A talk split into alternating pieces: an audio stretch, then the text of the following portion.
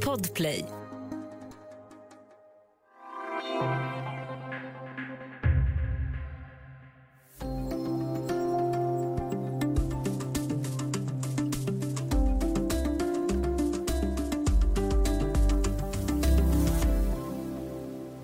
Ökat kaos eller en väg mot stabilitet? Libyens historia har kantats av politisk turbulens och nu går landet mot ett historiskt presidentval. Men hur ser Libyens framtid ut och vilka intressen vill vara med och styra landet? Välkommen till Studio DN med mig, Ylke Holago.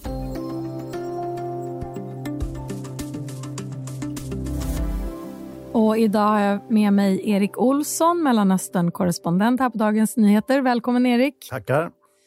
Libyen har ju en lång historia av politisk turbulens och nu är det alltså dags för ett första presidentval någonsin i landets historia.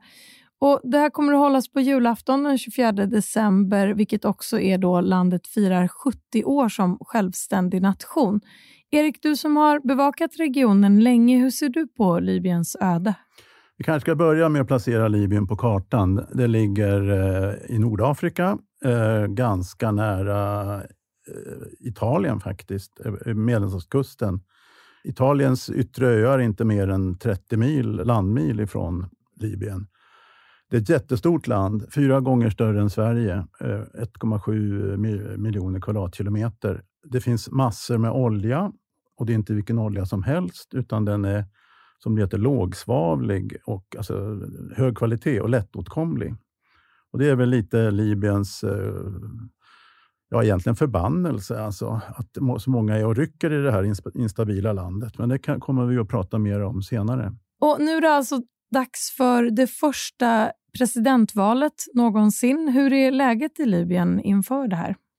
så här är det att valet har, liksom, det har prackats på Libyen av FN och eh, starka krafter, starka EU-länder. Så att de är väl lite vilse i pannkakan. Ska vi verkligen ha det här valet? De har inte ens en vallag alltså, som är godkänd. Hur sjutton ska det här gå, tänker man i Libyen. Många är ganska rädda faktiskt vad det här ska leda fram till. Och Alldeles nyligen så skedde också en eh, attack. Beväpnade män stormade in i domstolsbyggnaden i staden Sabha i södra Libyen och tvinga ut anställda på gatan och spärra av kvarteren i närheten. Vad var det som hände? Det var en effekt av den här eh, laglösheten, om man får säga det. Att det inte finns en giltig vallag. Det är en av kandidaterna, eh, Saif al-Islam Gaddafi, eh, han, hans eh, kandidatur, eh, kandidatur avvisades av valkommissionen. Han överklagade till den lokala domstolen, och, Eh, då, men han fick inte lämna in sitt överklagande. Det var därför dessa män eh, spärrade av domstolen, för de var motståndare till Gaddafi. Och det, här kan man, det här är bara en liten grej egentligen. Man kan tänka sig att det blir, eftersom det är så stora motsättningar i landet kan det bli betydligt, betydligt värre.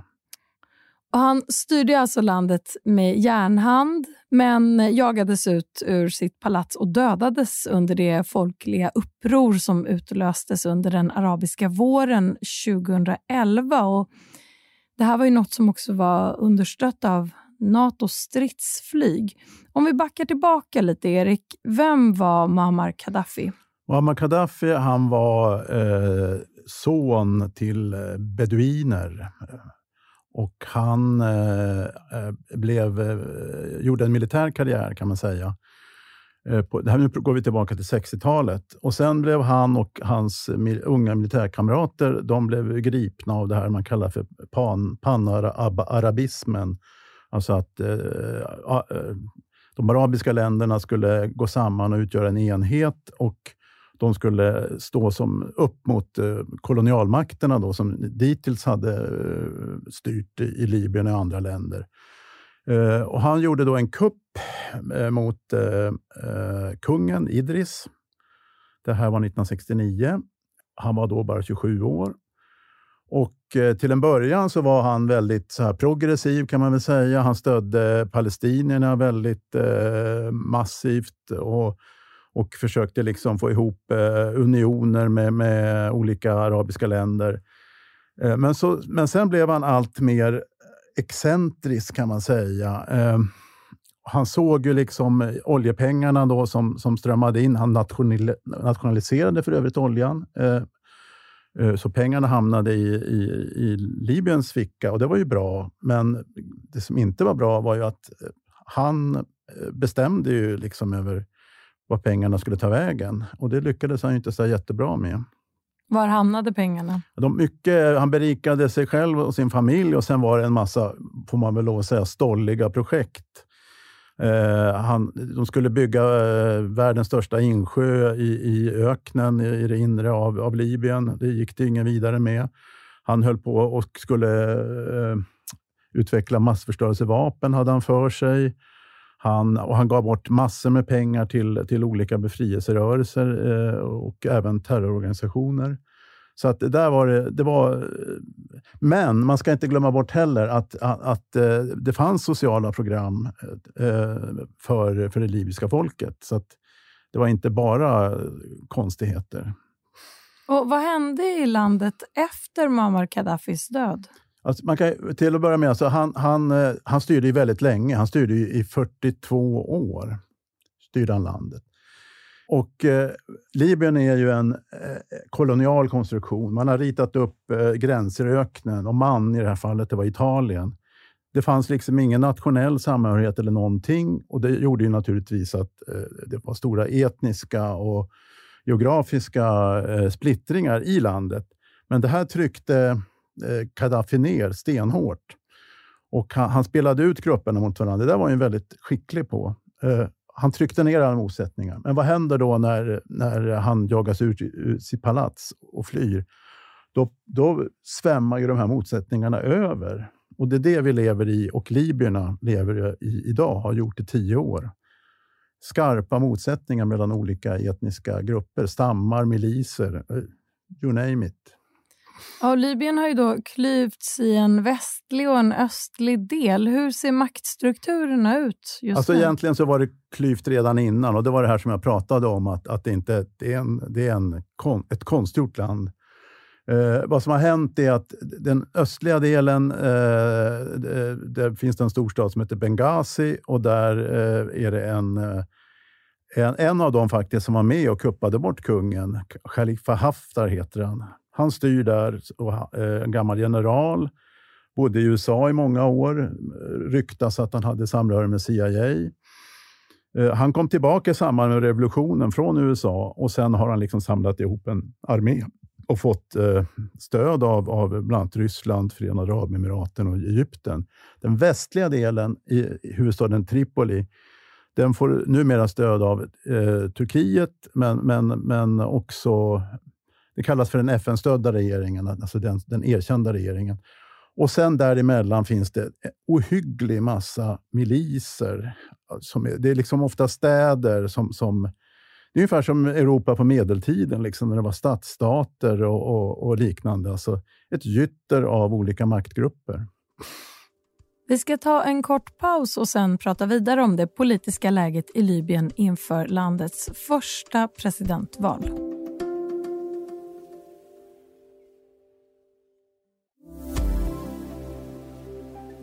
Du lyssnar på Studio DN där vi idag pratar om Libyen inför presidentvalet den 24 december. Erik Olsson, vi nämnde ju här före pausen attacken och kritiken mot Gaddafis son Saif al-Islam som alltså vill kandidera till presidentposten.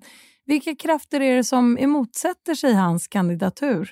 Det var, han hör ju hemma i västra Libyen, eh, eh, eh, den, den Saif al-Islam.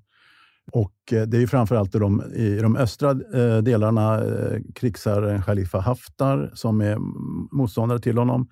Sen är han inte särskilt poppis bland de som ändå vill ha ett mer demokratiskt Libyen. De tänker att han kommer att bli en, liksom en andra upplaga av sin pappa. Så att det finns många, många som, som motsätter sig hans kandidatur. kandidatur.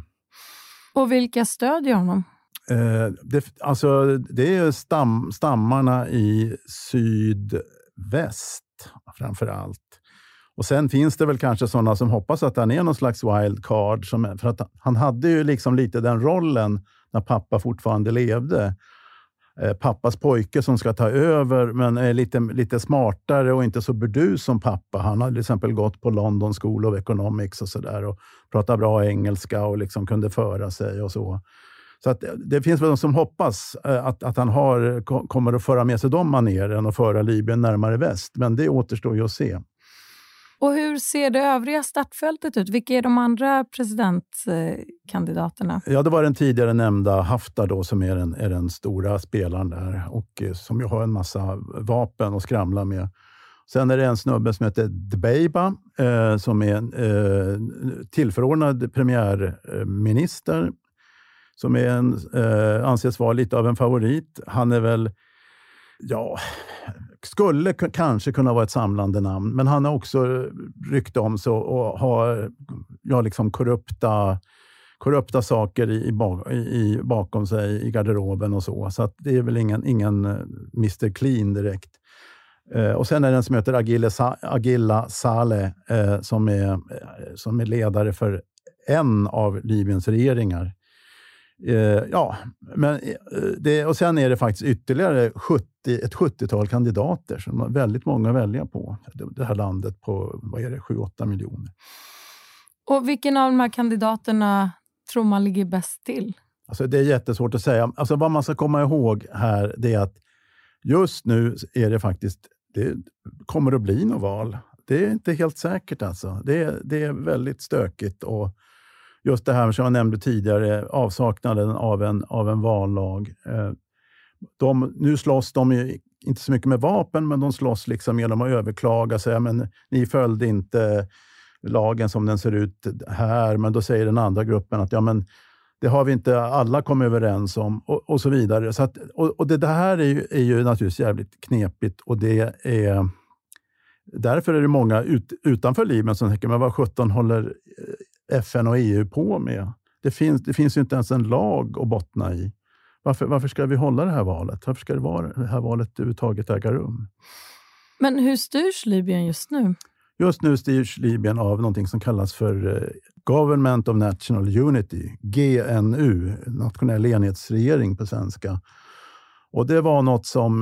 Det, man ska ju säga till, till FNs eh, vad ska man säga? Fördel. Fördel, exakt att de har ju varit outtröttliga, försökt liksom få ordning på detta kaos som har pågått nu i tio år efter Gaddafis död. Och då, men då säger man så här att ja, men då, eh, för ett år sedan drygt, vi, vi bildar en enhetsregering som får styra fram till valet. Och så, och så ser vi hur det går sen. Liksom. Och, och, som sagt, den här Dbeiba är en av... Han är, han är premiärminister i enhetsregeringen, regeringschef. Och sen finns det något som man kallas för presidentråd på tre personer som, som är med och styr. Eh, men de, grejen är att de har inte så mycket Och, Det är ju vapen som talar i Libyen idag. Might is right. Och ah, De har ju inga vapen att, att komma med. Utan, så att, och Det är det som är faran här. Liksom. Vad, vad, kommer att hända? Om, om den ena, det är så polariserat. Om den ena sidan förlorar, vad kommer den andra sidan att godta det? Det är väldigt osäkert. Och givet alla konflikter och olika intressen som spelar in här eh, och den här oenigheten inför hur valet egentligen ska gå till. Vad är det man träter om? Vilka är de största frågorna? Alltså det är inte, det är ju makten. Alltså det är inte, det är inte så. Det är inte liksom fördelningspolitik eller, eller något sånt, eller pensioner eller så här som i, här i Sverige. Utan det är, det är ju, det är ju vem, vem ska sitta på all den här oljan? Och De här utländska intressena som tar plats i den libyska konflikten, du nämnde bland annat Turkiet här. Vad har de för olika agendor? Eh, Turkiet som stöder eh, regeringen i väst, eh, de vill eh, stärka sin regionala makt. Eh, de finns ju på tvärs över Medelhavet eh, och de vill också eh, ha tillgång till eh, energiresurserna naturligtvis. Eh, på den andra sidan, Haftar, eh, Ryssland. Jag, jag, min bedömning är liksom att Ryssland de är, de är bara glada om, om det är lite oro och, och, och kaos i Libyen. Och Det beror ju på Libyens närhet till, till EU. Om, om Libyen kan bidra till att destabilisera EU, då är Ryssland jätteglada över det. Och Sen har vi Qatar, Egypten, Förenade Arabemiraten Var, vilka sidor tar de i den här konflikten? Eh, alltså, eh, Qatar eh, står ju på eh, Turkiets och, och eh, väst, västliga Libyens sida. De har inte varit så jätteaktiva på senare år. Eh, Förenade Arabemiraten och Egypten de, de, har nog samma agenda som, som står på Haftars, östsidan. Har nog samma agenda som, som, eh, som eh, Turkiet. Man vill stärka sin regionala makt och sitt inflytande. Och Mitt i allt detta så finns det minst 800 000 flyktingar i Libyen som, där många hoppas kunna ta sig vidare till Europa på den livsfarliga rutten över Medelhavet. Hur spelar flyktingfrågan in i den större politiska situationen och relationerna med Europa? Alltså den här anhopningen på flyktingar, migranter, den är ju en konsekvens av den svaga staten som Libyen utgör. Eh, och, alltså inte ens kustbevakningen eh, står ju under regeringens kontroll, den libyska kustbevakningen, alltså, utan det styrs av miliser och maffier. Och det är de som EU ska ha och, och liksom samarbeta med och hålla flyktingarna från, från Europas eh, kobbar och skär, för det är det det handlar om. Så att för, för eh, valet i sig spelar nog inte flyktingfrågan så stor roll, men som sagt, valet, eh, eh, eller eh, den här mängden migranter, flyktingar som finns där, den visar ju bara hur, hur bräckligt och svagt det här stadsbygget är. Och vilken roll har EU spelat i att eh, Libyen har blivit en plats, ett nav där så många har samlats? Eh, alltså EU precis som på många andra håll, eh, i Turkiet, eh, Belarus nu, så, så, så EUs roll är ju att hålla flyktingarna borta från, från, från Europa. Eh, och, och, Det vill man ju göra här också. Det är därför man, eh, man i det här fallet då, EU Europa, eh, man samarbetar med de här skurkarna. För, för det är ju skurkar liksom som, som, som kontrollerar kustbevakningen. Det är sådana där som de samarbetar i sin tur med flyktingsmugglare som är nere, de är nere i Niger och så säger, säger de till, till de fattiga invånarna att om vi, ni ger oss 10 000 dollar så tar vi er till Europa. De kommer till Libyen och eh, har de tur så, så får de åka på en av de här guppiga gummiplottarna. Eh, och, eh, förmodligen så antingen så sjunker flottan eller så blir de avvisade tillbaka till till Libyen. Har de otur så hamnar de i sådana uppsamlingsläger där det är helt fruktansvärda förhållanden. Så att det, där är, det där skulle man kunna prata om hur länge som helst och skriva egentligen hur mycket som helst. Och EUs hyckleri där är ju ganska, tycker jag, vedervärdigt. Alltså. Så avrundningsvis här, Erik. Eh, det är många stora frågor som står på spel. Hur ser Libyens öde ut framöver? Kan vi säga i det? Alltså för det första, om det blir ett val 24 och om, eh, om det blir en president som kan ena landet, då är det ju nästan ett mirakel. Det, vore ju, det, och det är det man hoppas på. Men som sagt, det, de som kan någonting om det här, de ger ju det väldigt, väldigt små chanser. Annars kommer det väl att hanka sig fram som det har gjort hittills. Eh, och det är ju väldigt tråkigt för dels för de stackars libyerna, men, men också faktiskt för, för EU som ska tampas då med, med eh, eh, eh, den här eh, flyktingfrågan. Och sen finns det någonting som vi inte har pratat om. Eh, Islamiska staten, IS, de älskar ju svaga stater av det här slaget. Eh, de biter sig fast där. De har, de har faktiskt haft väldigt stark närvaro i Libyen. De kan få det igen. Så vi lär få anledning att återkomma till Libyens framtid och öde. Men för nu så säger jag tack så mycket Erik Olsson, Mellanöstern-korrespondent på Dagens Nyheter. Tack.